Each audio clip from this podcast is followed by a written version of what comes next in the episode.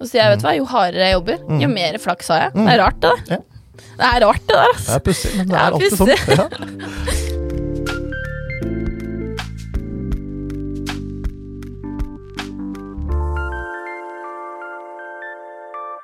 Velkommen til Fotopodden i et nytt Fotopodden-studio. Vi har bygd og vi har bygd og vi har malt og vi har blomster Nei, det er ikke blomster, det er planter. Vi har alt på plass. Nå har vi nytt studio. Endelig! Og til å innvie det, så har vi fått besøk av ingen ringere enn Marte Marie Boru Nybakken. Eller Marie Nybakken blant venner. Det er et langt navn. Så ja. Hva skal vi kalle deg? Ung og fremadstormende fotograf? Ja, det er jo alltid hyggelig å bli kalt. Jeg Ja. kan ikke klage på det. Eh, grunnen til at hun er her, er egentlig at vi fant, fant henne nede på Sukkerbiten en dag. Nei, hun gikk på eh, bilder Nordic School of Photography, Ja. og de hadde eksamensutstilling på Sukkerbiten i juni i fjor. Stemmer. Og der var det en bildeserie som vi syns var av en helt annen klasse enn alle andre bilder, og det var dine. Ja. Um, og vi intervjuet deg den gangen. Det finner dere på foto.no hvis dere søker på Marte Nybakken. Men vi tenkte vi skulle ta en ordentlig prat med deg her også nå, i vårt nye, flotte studio. Velkommen, Morten. Takk, takk. Veldig hyggelig å være her. Det er jo så fint og fresht og nytt her at eh, herre min. Takk skal du ha. Du har nettopp hatt en utstilling. Ja, Din første ordentlige utstilling. det er min eh, første soloutstilling, så det var jo ordentlig stas. Eh, hadde den på to gallerier i tillegg, så det var Oi. enda mer stas. Gratulerer. Takk, takk. Hvordan gikk det? Hva viste du fram, og hvordan gikk det? Du, jeg viste fram en eh, serie som heter Sculptures of eh, Society. Det er jo min visualisering av kroppspress, egentlig, da, som jeg har presentert i denne serien. Uh, og det er jo alltid litt sånn Du toucher på litt uh, sensitive temaer innimellom, da. Eh, men den har gått overraskende bra. Solgt for over 230 000. Wow. Så det, kan ikke klage på det. Og det Vi hadde til og med en hel ungdoms... Altså hele tiende klasse på en ungdomsskole innom. Eh, De kjøpte mye. Nei, de kjøpte ikke så mye, men det var litt for å, for å se hvordan de resonnerte med tematikken. da. Ja. For det er jo en ganske heavy tematikk, og i hvert fall i den målgruppen der. da. Mm. Eh, med tanke på sosiale medier, redigering og hva slags idealer de blir presentert med. da. Eh, så jeg tenkte at eh, her må vi egentlig bare smi litt mens jernet er varmt, og prøve å få inn en skoleklasse og se da, hvordan de tar det. Og så tenkte jeg liksom, herregud, nå skal vi ha en sånn gjeng med hormonelle tenåringer inn her med masse nakne damer, og bare Hvordan kommer dette til å gå? Men det gikk faktisk overraskende bra. De resonnerte mm, bra med tematikken, og fikk liksom hjemmelekser og snakka litt rundt det, da. Så det var veldig ålreit, faktisk. Å ha ungdommer innom. jeg er jo jeg, jeg må jo bare innrømme at jeg er mektig imponert. Når, altså, jeg kjenner mange fotografer som sliter med å få oppdrag, sliter med å få endene til å møtes. Uh, Kjempehappy hvis de kan ta portretter i en eller annen bedrift. Og så har du en eksamen, uh, og så har du en soloutstilling på to gallerier. Selger et par dusin bilder og blir pensum i ungdomsskolen. Ja. og det er starten. Ja. Um, hvordan får du til dette her? Nei, altså Til sjuende og sist så handler det for min del om å tro på deg selv. I å være skikkelig anti-janteloven. Drite i hva alle andre mener og tenker og sånn. Stole på at du er flink nok, at du jobber hardt nok, at du har noe å komme med, at du har noe å vise fram. Og så bare jobbe i ræva av deg, rett og slett. Og jeg vet, det er jo veldig sånn typisk sånn tanke at liksom, fotobransjen er så vanskelig, og det er så vanskelig å liksom komme seg inn og få innpass. Det er vanskelig å være jente fordi det er mannsdominert. Og jeg tenker jo litt sånn mm, Ikke grin over spillereglene, i reglene, men spill spillet bra. Eh, og det har jo vært min mentalitet helt fra begynnelsen, at jeg vet at jeg har hårete mål. Jeg vet at jeg vil opp og fram og liksom jobbe for de store motøvelsene. Jeg vil jobbe for Gucci, jeg vil jobbe for Ikke sant? Jeg, og det er jeg ikke flau over å si, på en måte, da. Fordi jeg, jeg vil dit. Og da må du legge ned alle timene, du må legge ned alle kveldene. Du må, altså, du må være villig til å ofre fritida di.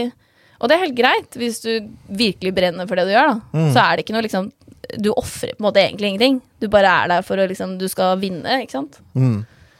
Men, men da må vi jo inn på det som var tema også i intervjuet. Du sier du har bilder som handler om kroppspress, Mm. og så vil du fotografere for Gucci. Hvordan Helt fungerer det sammen? Ja, her kommer vi jo til mitt sånn store dilemma i livet, da. Um, for jeg vil gjerne jobbe i motebransjen, men ikke i den motebransjen som er i dag. Så jeg har jo bare tenkt å ene og alene gå inn og endre motebransjen, jeg da, ikke sant? Ja, det er jo målet. Ja.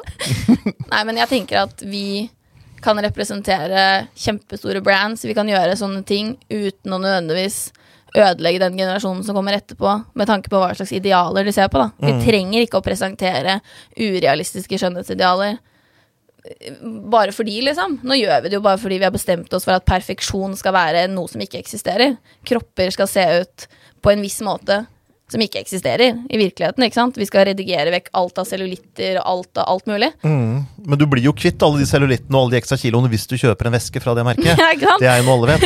Um, Kjøp Gucci, bli tynn. Ja, ikke sant? Ja, um. så, og det er derfor de gjør det sånn. Så det er jo en enorm oppgave. ja, Og ære være deg. Altså, det her er ingen kritikk, Marte, for det er ære være deg som går inn i det der. For Mm. det er en syk, syk bransje. Oh yes. eh, som, som du sier, ødelegger mange liv og veldig mange sjølbilder og skaper masse elendighet. Ja. Men du verden så mange vesker det selger. Ja, men jeg tenker at vi hadde solgt eh, vel så mange vesker ved å ha et image som ikke er eh, på en måte Det er jo ikke science fiction, på en måte. Altså, Hvorfor må det være urealistisk? Hvorfor må det være uh, ikke ekte? Det trenger ikke å være det. Vi har bare bestemt oss for at det skal være det. Men Fordi det, det selger mer. Altså, Vi er har jo en rasjonell hjerne, og så har vi en veldig veldig primitiv irrasjonell hjerne. Den Ja. er veldig følelsesstyrt. Absolutt. Og den rasjonelle sier 'jeg blir ikke kvitt cellulitten av å kjøpe en veske'. Og den irrasjonelle sier 'å, se så fin hun var med den veska'. Så Ja. fin vil jeg også bli. Jeg kjøper den veska. Men jeg tror at vi kan komme til en plass i vår bransje hvor vi har et sunnere forhold til virkeligheten. da. At jeg tenker at etter min mening så bør ikke det å photoshoppe en kropp og presentere det som virkelighet være lov. Det bør ikke være lov. Altså sånn, det bør være lo globale lover som tilsier at det ikke er lov. Det er false advertisement. Du har ikke lov til å gjøre det i noen andre bransjer. Hvorfor skal vi få lov til å gjøre det i motebransjen? Hvorfor skal du få lov til å selge reklame med en kropp som er retusjert, når det ikke er ekte? Det er false advertisement. Jeg blir så forbanna på det greia der. Jeg klikker liksom. Fordi det Hvorfor? Hvorfor? Tror du det må lov, eh, lovregulering til, eller tror du bransjen kan endre seg? Eh, begge deler. Begge deler. Jeg tror vi er nødt til å ha en mental endring i bransjen hvor vi går over fra at det som selger, er å være fake, til at det som selger, er å være ekte. Og så må man i tillegg til det skaffe retningslinjer og lover som gjør at man ikke måte bare kan være vill i Vesten og gjøre som man vil. da. Så begge deler. Definitivt. Og dette er jo veldig spennende, og det var jo det du hadde i, i Sculptures of Society-utstillingen din. Tok jo for seg den tematikken. Og den var jo øh, tydelig, men den var jo aldri ble aldri en klisjé, og det syns jeg var så vakkert. Hvordan du fikk til å gjøre dette her vakkert, men tydelig. Og, og brukte lys, og brukte kropper, og brukte klassiske settinger. Eh, nå håper jeg at eh, vår videomann kan legge på noen bilder i bakgrunnen her som, som viser noe av dette, så dere ser det. Ja. Men, men det syns jeg var veldig flott med det. Ja, det handler jo på en måte om at uh, jeg vil jo at lag, skape noe Jeg vil jo skape kunst som du kan ha på veggen, som du kan nyte, men samtidig som kan gi deg en samtalestarter som kan få deg til å begynne å tenke. ikke sant? Og noen av bildene er jo sånn borderline groteske på et vis. Nesten litt ubehagelig å se på, samtidig som de er pittoreske, og de er i fine omgivelser, og det er liksom det er veldig mye tematikk i disse bildene. Vi har brukt lang tid på å finne ut av hvor de skal tas, og hvordan de skal lysettes, og hvordan du skal øh, liksom få disse kroppene til å bli nesten skulpturer som er litt ubehagelige, men samtidig formidle et budskap, da. Uten at du bikker over i disse da, klisjeene eller andre ting som gjør at det er oppbrukt, på en måte. Nei, for det er jo veldig en sånn klassisk stil hvor du har plassert den på pidestaller og, og, og sånne ting. Og det er jo Jeg syns det er en veldig morsom måte å gjøre det på. Og måten du kontrollerer lyset på, syns jeg er mm, veldig veldig imponerende. For det er, det er jo egentlig en kunstform i seg selv. Ja. Så, så der har du jo kontrollen. Men nå har du altså Du har gjort skolen, og så har du gjort utstilling, og så har du gjort intervjuer i pressen. Her, for eksempel. Um, hva gjør du nå? Du, akkurat nå så koser jeg meg egentlig litt med det jeg har stått oppi. For vi lever jo i en veldig sånn fast pace verden, hvor det er sånn over til neste, over til neste, over til neste. Og sånn har jeg vært hele livet, egentlig. Og nå har jeg bare satt en liten sånn der eh, pauseknapp på ting, bare for å kunne faktisk stå i det, da. Stå i de galleriene og se på bildene mine og være litt sånn I fucking did it. det er sånn, Jeg gjorde det, ikke sant. Det er sånn, og du kan bare stå der og være sånn her Du har jobba med det i et år, du har jobba med det mye aleine. Du har stått mye i ditt eget hode, du har hatt noen mental breakdowns på veien. Fordi du tenker at du får ikke til en dritt og alt det greiene der. Og så kan du bare stå der og se på bildene og være sånn I fucking did it, man! det er så sjukt ting. Ja. Og eh, neste gang du havner i en sånn krise at du ikke får til noen ting, så kan du jo tenke tilbake og si at det gikk jo da. Det Ja. går jo nå også. Jo, men jeg har jo egentlig en tro på at hvis man ikke har en liten sånn mental breakdown på veien, så, så pusher du ikke grensene dine nok. Nei. Ikke sant? Det skal være litt ubehagelig nesten, fordi du dytter deg såpass langt, da. Man må lide for kunsten, liksom. Ja, Ja. og det er litt klisjé å si, men det er litt sånn vi, Ok, nå skal jeg fortelle deg en morsom historie. Fordi det her prosjektet så har vi jo vært Jeg har jo vært rundt omkring og tatt bilder, og det ene stedet jeg var og tok bilde på, var på Svalbard. Eh, og jeg flyr jo da den her marmorpidestallen opp til Svalbard. Og flyr en modell opp til Svalbard, og det er minus 19 grader, da, selvfølgelig. Når vi kommer opp dit, det er bare fy faen. Ja, greit. Eh, og så har jeg to fixers, da, som er der oppe og hjelper oss. To damer, dritfete damer. Eh, som skal hjelpe oss med å liksom kjøre oss rundt på snøscootere og få oss inn i Vi var jo inne i en isbre. Inne i en Ja, isbre og tok bilder, da. Og så finner jeg ut at jeg må kjøre opp dit på snøscooter, jeg òg. For vi må ha med en ekstra snøscooter. Som jeg selvfølgelig klarer å velte på. Sånn etter sånn to minutter. Etter at de hadde sagt det er helt umulig å velte på den her, det går bra. Mm. Jeg velta på, ja, etter to minutter, liksom. Så kommer vi oss opp til denne isbreen, da. Og da skal vi jo da bære med oss den her marmorpinnestallen og alt fotoutstyret og alle greiene ned og inn og innerst i den sprekken da, i den isbjørnen. Og tro meg, folk trodde at det hadde klikka for meg, liksom. Alle trodde jeg var klin kokos. Men vi kommer oss da ned til denne hulen da, som vi skal ta bilder i. Og så sier jeg til modellen ja, da kan du bare kle av deg, liksom. Og de bare Ok! okay! Ja, ikke sant. Um, og sitter der nede da og skal få ta, tatt disse bildene. Og jeg tror, du vet sånn, Hvis du ikke har den der vision som du har, så skjønner jo ikke folk hva du holder på med. Nei. Og så fikk de liksom se noen av bildene på kamera, så var det bare sånn Å, fy faen, det her blir jo dritbra. Jeg bare Jeg sa jo det! ja, og så kom vi oss ut av den der eh, ishula. da, Du gikk ikke med noen tær eller noen modeller? Alle eller noen, overlevde. Alle overlevde. Og det gikk bra. så skulle vi ned i en nedlagt kullgruve, også på Svalbard. Og der får vi med oss en sånn der gassmåler. Fordi vi ble liksom sneket inn der, basically. ikke sant? Mm. Men den er nedlagt. Og jeg skulle jo selvfølgelig forbi alle sperringene, fordi jeg hadde sett for meg at vi skulle ta bilde inni bakerst, ikke sant? Der hvor det ikke er sikra. Der skulle jeg ta bilder, ikke sant. Så vi med den her marmorboksen over alle sikringene, og så begynner den der gassmåleren å pipe. Og jeg ser på modellen og bare 20 minutter går bra. Vi dør, vi dør ikke på 20 minutter. Det går bra. Å, herregud. Ja, men det blir altså Ja, men der igjen, ikke sant. Hvor mye lettere hadde det ikke for meg å bare gått og tatt bilde i den isbreen og photoshoppa henne inn etterpå? Mm. Hadde kosta meg halvparten så mye penger, og hun hadde sluppet å sitte der naken i minus 19, liksom. Det hadde vært mye lettere for meg å gjøre det. Men hva skjer da med virkeligheten? Hvorfor? Da presenterer du ikke virkelighet lenger. Nei. Og jeg er så fan av at du skal gjøre jobben. Do the fucking work. Ikke, ikke len deg på liksom alle disse tekno teknologiske greiene vi har. da Bare gjør det. liksom Gjør det der og da. Og da må du jobbe med lyset. Lyset skal være perfekt. Du må flytte alle ting som ikke skal være med på bildet, fordi du ikke skal photoshoppe det etterpå. Du må rydde alt, ikke sant. Og ting skal være perfekt der og da. Og det er faen meg en jobb i seg sjøl. Hvordan visste du at lyset ble riktig der, da? Alt, altså, det er jo køl mørkt der nede. Ja, altså I, i kullgruven, men i isbreen så er det jo Nei, det er mørkt der Det er også. mørkt det er mørkt der også, så det det. er bare kunstlys. Ja, selvfølgelig. Det er Ja. ikke noe som skinner gjennom. Nei, Stemmer det. der er det mørkt, Ja. for å si det sånn. Ja. Men det var en utfordring, fordi jeg hadde aldri tatt bilder inn i en fuckings ishvelv. Så jeg tenkte shit, hvordan reflekterer lyset, ikke sant? Mm. og hvordan treffer det, og hvordan treffer det henne? Og ikke sant? Skal du blitse, så må du blitse opp i taket, fordi du har Men hadde du ikke vært der på forhånd og tatt testbilder og sett hvordan fargene ble, og hvordan lyset falt, og hvordan ikke, ikke akkurat den, for den var ikke Nei. åpen da jeg var der. Nei, Men jeg hadde sant. vært liksom de flytter seg jo eller endrer Mm. seg, så du kan ikke ja. Nei. Men eh, ja, det handler om å være godt forberedt i hodet ditt. da Mm. Du har gått gjennom alle scenarioer, liksom. Du har tenkt deg til alt du kan gjøre. da Mm. Og da takker jeg altså Jeg vet ikke hvem jeg skal takke, men jeg takker meg sjæl for alle timene i studio som du har brukt. da Du har stått der og tørrtrent og gjort alt 100 ganger ikke sant? Mm. før du går ut. Og det glemmer folk. Folk tenker sånn ah, du skal ha 10 000 kroner for å har tatt et bilde, liksom. Du bare veit du hvor mye jeg har stått i det studio! 10 000 kroner for 125 del sekund! Ja. Vet du hva timebetaling er da, eller? Ja. Men det er jo sånn, de sier jo det også at de mest erfarne har mest flaks. For du vet Mm. Ja, hva du går til. Du vet du er forberedt på situasjoner som kan oppstå. Ja. Og det, så det blir jo sånn, altså. Man, eh, ja, men folk sier det jo til deg. Ikke sant? Ja, du, ikke sant? Det der med flaks. Og så sier jeg, vet du hva, jo hardere jeg jobber, jo mer flaks har jeg. Det er rart, det der. Det er rart, det der. det Altså. er pussig, men det er alltid sånn. Eh, Nå under pandemien så kom jeg over en fotograf som ikke klarte å få tak i modeller. Mm. Så hun lagde dem på PC-en. Ja. Så det var mennesker som ikke eksisterte, med lys som aldri var satt andre steder enn på PC-en. Mm. Og dette her så ut som modeller, og alt så noenlunde riktig ut. Mm. Men ingenting av det fantes. Hva tenker du om sånt? Det er helt greit, så lenge du presenterer det som det det er. Mm.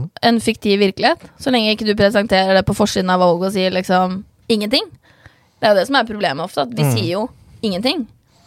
Du, du printer jo ikke en svær katalog med fantastiske modeller og sier 'this is all fake'. De, de, alle disse er redigerte, ingen av de ser sånn her ut i virkeligheten, ikke sant?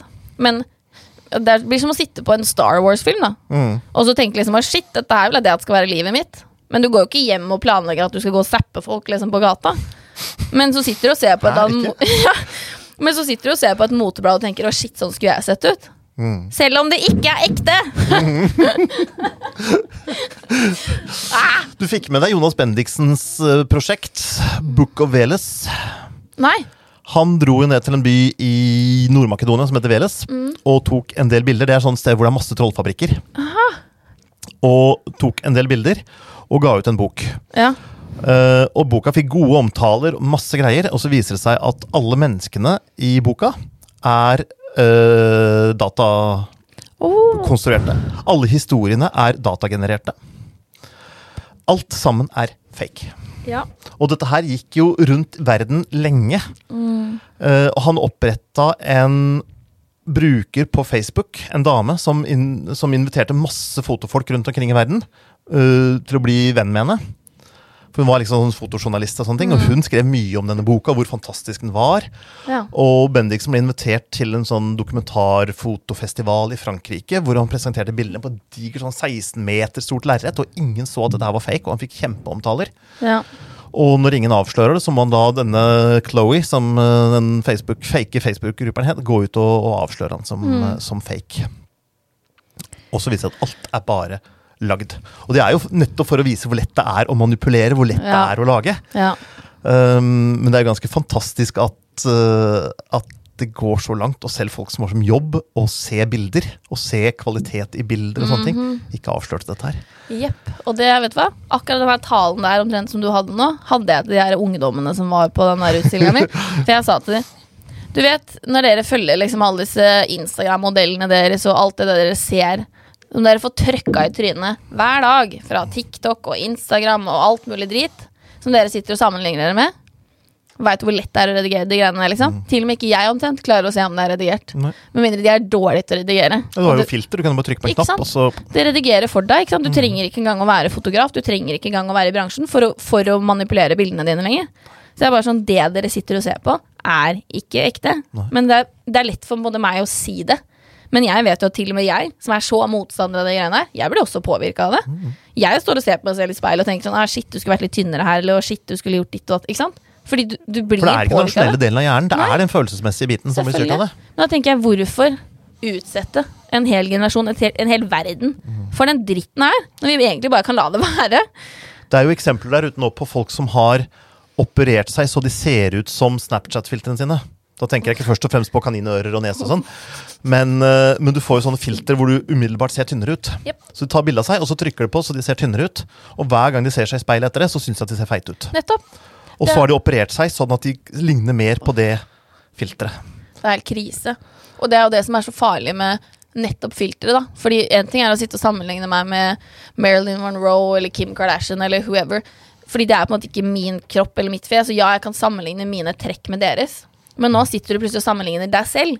Med, med en fik, et fiktivt bilde av deg selv. Sant? Hvordan jeg kunne sett ut hvis jeg bare opererte meg litt. Hvordan jeg kunne sett ut hvis jeg bare fylte litt her og der. Og det er så mye verre. Og jeg med, med, med min hjerne, liksom. Jeg kan ikke holde på med de filterne, liksom, fordi det fucker meg opp i hodet. Og det kan jeg være helt ærlig å si, liksom. Jeg, Og da er du moden nok til å ha skjønt det. Ja, jo, jo, men Men mange begynner jo med dette her lenge før de er modne nok til å skjønne det, og innen de skjønner det, så er det for seint. du vokser opp med det her når du er 13-14 år gammel, liksom. Ikke snakk til meg om at de er modne nok til det, liksom. Nei, jeg er overhodet ikke. Og det er jo ikke, du kan ikke ligge Også alle disse influenserne og sånn. Ja, foreldrene, de må passe på. Slutt å følge. Slutt å ditt, slutt å datt. ja. ok, her er det noen som ikke har fått med seg hvordan verden fungerer. Meld dere ut av alt og flytt til Nødøy. ja. Ja. Flytt til Sahara, det er fint der. Det er mange tynne mennesker der, da. ja, det er det sikkert. Det er det i hvert fall ekte.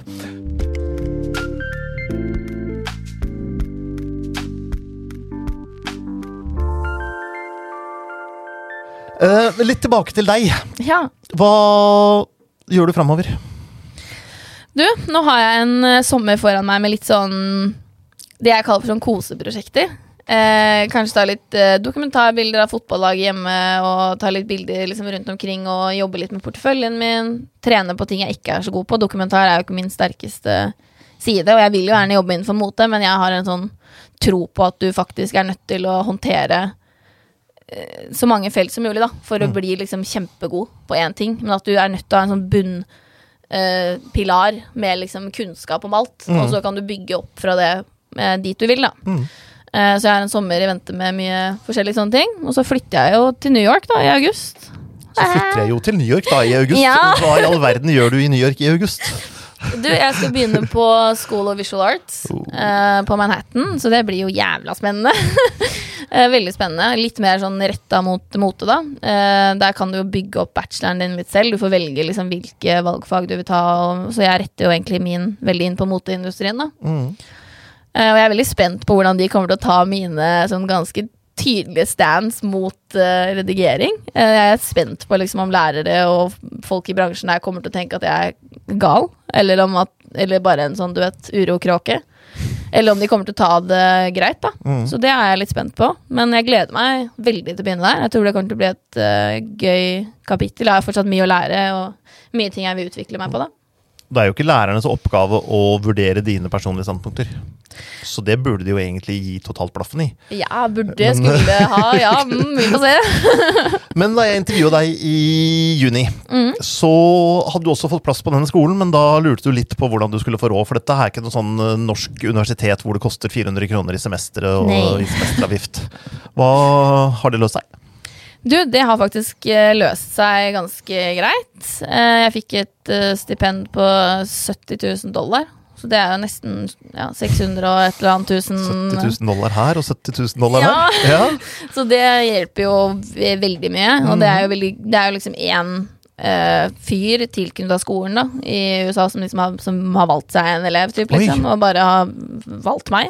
Så det er en sånn privat sponsor Ja. der borte? Wow! Og det sjukeste var at jeg søkte jo på et stipend på skolen der, som var på sånn 100 000 kroner. Og var sånn, håpa som faen at jeg fikk det. Og så fikk jeg liksom mail tilbake.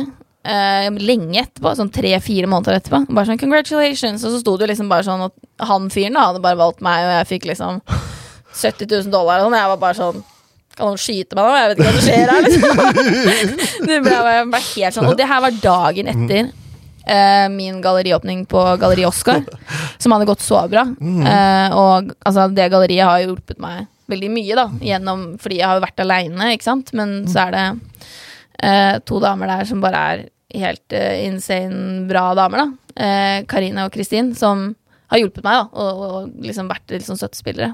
Så jeg satt der på galleriet, da. Med dagen etter denne store åpningen, og vi hadde solgt kjempebra. Vi hadde liksom solgt 26 bilder, ikke sant? og det er jo mye. Mm, det er veldig, veldig mye. Når ett bilde koster 10 000 kroner, så er det mye. Mm.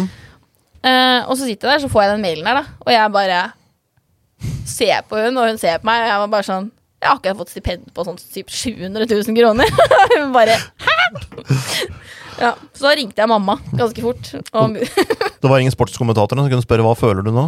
Nei. det var jo, de var litt sånn på det, da. Løper rundt der, og ja. da kom det litt av sånn gledeståre på siden der. Ja. Det må jo være en, det må jo være en vanvittig drøm. Altså, jeg skjønner liksom ikke du, du går jo liksom fra, fra seier til seier her. Ja, det ser, jo, det ser jo sikkert litt sånn ut fra utsiden, da. Men så er det liksom den der Det er mye grining og sverting og greier i heimen hjemme, da. Når du liksom du jobber med ting aleine og Mm. føler at du jobber veldig mye, da. Og så er det utrolig deilig når du får anerkjennelser, da. Selvfølgelig. Det er, vi er jo mennesker, og man har behov for det. Så akkurat nå så har det vært jævlig gøy å være meg i det siste. Jeg skal ikke si noe annet enn det. Jeg har hatt det bra. Men du har jo truffet en, en nerve her, det er jo helt tydelig. Føler du et press for fortsettelsen? Den vanskelige andre boka, som det heter i forlagsbransjen? At du ikke finner et prosjekt som treffer på samme måten, og ikke klarer å følge opp? Ja, både ja og nei. Altså, på ja, selvfølgelig. Jeg har jo satt en viss standard da, på arbeidet mitt, som skal være høy, selvfølgelig. Og det sa jeg jo til denne utstillingen her òg, at jeg skal ikke være flink fordi jeg er jente, eller flink fordi jeg er ung, eller flink fordi jeg er nyutdannet. Det skal bare være bra. Mm. Punktum. Det skal ikke være det er liksom sånn Det eneste dette prosjektet her skal være, Ja. er bra. Mm. Og ikke fordi noe som helst, men bare bra. Mm. Og litt den ånden der Det er veldig mange som spør meg sånn Ja, hva skal du gjøre nå, da? Hva med neste prosjekt, da? Hva skjer nå, da? Når kommer det? Uh, jeg tenker liksom Det kommer når jeg har en like god idé. Det kommer når jeg har klart å jobbe fram en tematikk, eller jobbe fram noe som jeg vil si som er like viktig for meg som det her, da. Og det kan ta ett år, det kan ta to år, det kan ta fem år. Altså sånn, det det veit man jo ikke. Nei. Det er litt som å skrive bok, ikke sant. Det er jo sånn der, du må vente til ideen din kommer. Mm, men det er ikke sånn når du er på skolen at du må levere et prosjekt, og du da får liksom en tidsfrist, og nå skal du levere det, og så har du en sponsor som har gitt deg 70 000 dollar som du har følt et ansvar overfor, og så har du liksom Jo, altså på skolen så har vi jo mye ting som skal leveres, men Mm. det er ikke gitt at noe av det skal ut på et galleri. Nei. Så det er liksom en helt annen sak. Men jeg vet jo at jeg jobber veldig godt under press. Ja. Sett deg på fjeset mitt, så jobber jeg best, liksom. Er, ja, ja. Men, Akkurat det får vi ta en annen dag, men nei, men du skjønner hva jeg mener. At Ja. det, er, det er sånn derre Hold meg litt nede, så, så kjemper jeg litt ekstra, da. mm. Uh, så det er jo kanskje en god egenskap i den bransjen her, liksom. At man trives med litt det der å jage, jage, da. Og det er jo litt sånn som person, ikke sant. Mega-ADHD-kid. Alltid vært. Og Guds gave til meg, liksom, som jeg pleier å si. Takk Gud for det. Ellers hadde jeg jo slitt med å orke, da, tror jeg. Alle de tingene. Og det er, det er så mye negativ stigma rundt det. Når jeg sier sånn jeg har ADHD, så er folk sånn å, uff, stakkar deg. Og jeg er sånn nei! Herregud, har du sett, har du møtt meg, eller? Jeg er jo Det er jo Altså, for meg så er det en 100% gave, liksom. Ja, for du har da mye høyere arbeidskapasitet, og ting Ja. svirrer på en annen måte. Det er litt det. det Jeg kan sitte her og tenke på to prosjekter mens jeg snakker med deg, liksom. Ja. Eller at man kan liksom gjøre Det skjer mye kreativt da, i hodet mitt hele tiden. Og så tre jeg trenger ofte mest hjelp til å liksom få det ned på Mm. bakken. Ja, Fordi jeg er litt sånn Jeg tror at jeg liksom har 100 mill. i budsjett og 10 stykker som jobber for meg. Og det har jeg jo ikke ennå. En dag, En dag. men ikke nå. Nei. Eh, så jeg må liksom klare å grounde det, da. Mm. Du får ikke det i. New York, da. Altså, det er ikke noen skole med et så stort miljø at du kan liksom si 'nå trenger jeg disse ti menneskene her'. Jo, det For er jo å, kanskje man, ikke 100 millioner i budsjett, men i hvert fall mye folk og mye utstyr tilgjengelig. Jeg får ringe han duden som har gitt meg stipend og bare kan du sponse litt her? Ja, bra idé på gang.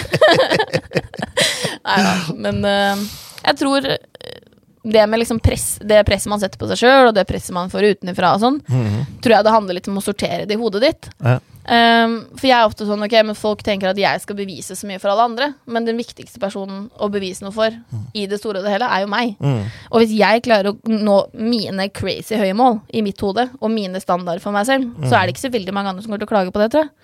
Men da må jeg bare holde det for meg selv, og ikke liksom dra inn alle andre sine meninger og tanker og sånn hele tiden. da. Det er bra med råd, og det er veldig bra å liksom kunne bounce av andre. Mm. Men ikke alltid. Det er ikke alt du skal ta inn, det er ikke alle du skal høre på, det er ikke alle råd og meninger og alt mulig drit du skal ta inn. da. Nei. Det er noe med det. Mm. Nei, det, er jo, det er jo helt klart den rette holdningen, men det er jo der ute i verden, altså i musikkbransjen, du har jo masse one-off wonders Ja.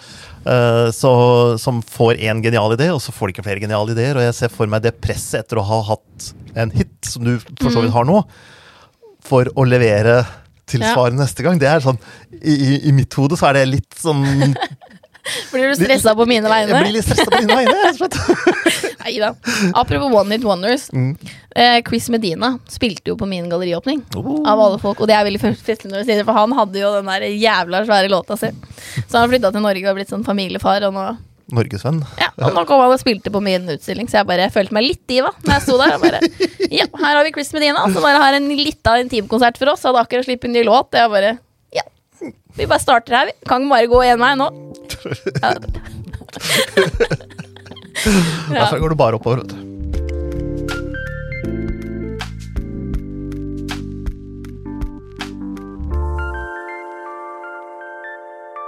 Har du Har du noen råd å gi? Til hvem da? Til den generelle befolkning? Til unge befolkning? fotografer? Nei, det må jo være unge fotografer med en ambisjon og et håp om å kunne bli fotograf. Ja. Altså, det er jo ikke til å stikke under stol at det er en hard bransje, men jeg tenker at så lenge du Det viktigste, som jeg alltid sier til folk, er jo det der med fuck janteloven. Altså, dra den langt. Senk den med Titanic, liksom. Det er det første du må gjøre. Mm. Fordi det kommer alltid til å være tvil ikke sant, i ditt eget hode, og hvis du drar inn samfunnets tvil på deg òg, så du, du kommer ikke til å klare det. Nei. Så det er sånn, ha troa på deg sjæl, og jobb. Work your ass off, man. Altså, det er sånn som jeg gikk på skolen, på Billy Nordic. Mm. Jeg booka studio hver eneste helg. Hver eneste helg sto jeg i det studioet der og tok bilder, mens andre var ute og festa og gjorde alt. Jeg sto i studio hver eneste helg. Ja. Og brukte alle venninnene mine. Alle venninnene mine har vært nakne i det studioet. Jeg bare sier det. Alle sammen. Liksom. Det er ikke én person som ikke har fått være naken av mine venner. i det studioet. Fordi jeg skulle trene på hu forskjellige hudtyper og forskjellige refleksjoner på lys og ikke sant. Alt mulig sånne ting. Tatt masse unødvendige shoots gratis. For, altså ikke sånn for store bedrifter og sånn, men sånn bare venner og musikere og folk som vil ha et platecover. Jeg bare ja, ja, men jeg trenger å trene, ikke sant. Mm. Bare jobbe masse, og så stole på seg sjæl. At uh, du har noe å komme med. Du har noe å si. At det du har å si, er viktig. Jeg vet du det er lett, i, i hvert fall i den verden vi lever i, da. Å tenke at man er så liten, og man har liksom ikke noe man skal komme med, og du får ikke gjort noe i verden, og du kan ikke endre noe, men herregud, se på Nel- Nelson Mandela. Du kan trenger bare å være én person. Nei, Han hadde en hel organisasjon, hadde han ikke ja, etter hvert. Ja, og så hadde han et helt land mot seg. Ja, ja, men du vet Man må liksom bare tenke at uh, man er et individ, men det betyr ikke at du ikke har noe å komme med. Nei. Og jeg møter jo ofte den Eller i hvert fall jeg har møtt en del stigma rundt det at jeg er, jente, jeg er en liten jente. ikke sant? Jeg er glad i merkeklærne mine jeg og veskene mine og bryr meg om hvordan jeg ser ut. på en måte. Mm. Og du møter en del stigma på det at de setter deg i en boks hvor de tenker at du er en sånn her person. Ja. Bare med en gang. Right off the bat så er du Ja, du er en sånn liten person som lever på et eller annet. Uh, og istedenfor at jeg har brukt masse energi på å fortelle alle at jeg ikke er sånn, Mm. så har jeg bare jobba i ræva av meg. Og så bare kommer jeg hjem her. Og så trenger du ikke å si en dritt, for da har plutselig alle respekt for deg. For da har du kommet og bevist noe, ikke sant? Istedenfor å stå der og grine over spillereglene, da, som jeg pleier å si. Ja. Det er sånn, Verden er ikke perfekt, og, sånn er det.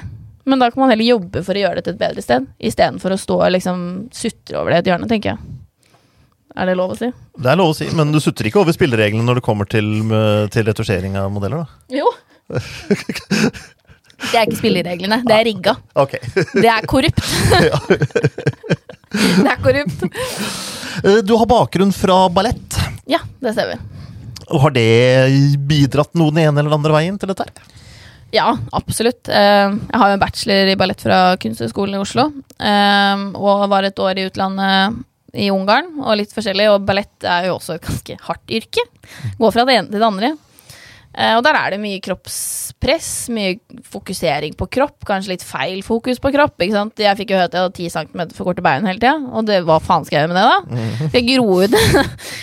ja, jeg tror liksom når du er i den dansebobla, da, så godtar du på en måte den kroppskritikken som en del av uh, bransjen. Du godtar at du blir fortalt sånne ting, og at folk sant, er slemme mot deg. Og så når jeg kom ut av den bobla, da, så fikk jeg et lite sånn reality-sjokk. For jeg var sånn å herre fred, mann. Hadde de prøvd å si det der et eller annet sted, så hadde de jo eh, blitt hengt, liksom. Det er jo ikke innafor. Eh, og det har nok gjort at jeg har ganske sånn sterke meninger på dette med kroppspress og måten vi presenterer ting på, da. Uh, for jeg vet hvor fucka i hodet jeg ble og blir fortalt sånne ting. Og nå har jo bare verden blitt et svært ballettstudio. Hvor alle Altså, det er free for all. Alle kan kritisere på kroppen din på internett. Det er helt greit, liksom. Så vi er bare Ja, nå er vi alle et stort ballettstudio. Velkommen inn. Jeg tror det var ganske gode avslutningsord, jeg, egentlig, hvis ikke du har noe du brenner for som du veldig veldig gjerne vil ha fram her. Nå skal du høre her. Nei, jeg bare- nei, Um, nei altså jeg tenker uh, Vi må bare stå på, gjøre vårt for å gjøre fotobransjen og verden til et bedre sted, liksom. Så snakkes vi om 20 år når jeg står på toppen av pyramiden. Jeg tror vi sier to, jeg. Neste gang du er tilbake fra New York, så vil vi gjerne ha deg tilbake for å høre hvordan det går. Ja, det Tusen takk. Marte, for at du kom. Takk Tusen takk til dere som ser på. Vi ønsker deg veldig mye lykke til i New York. Tusen Stopp. takk.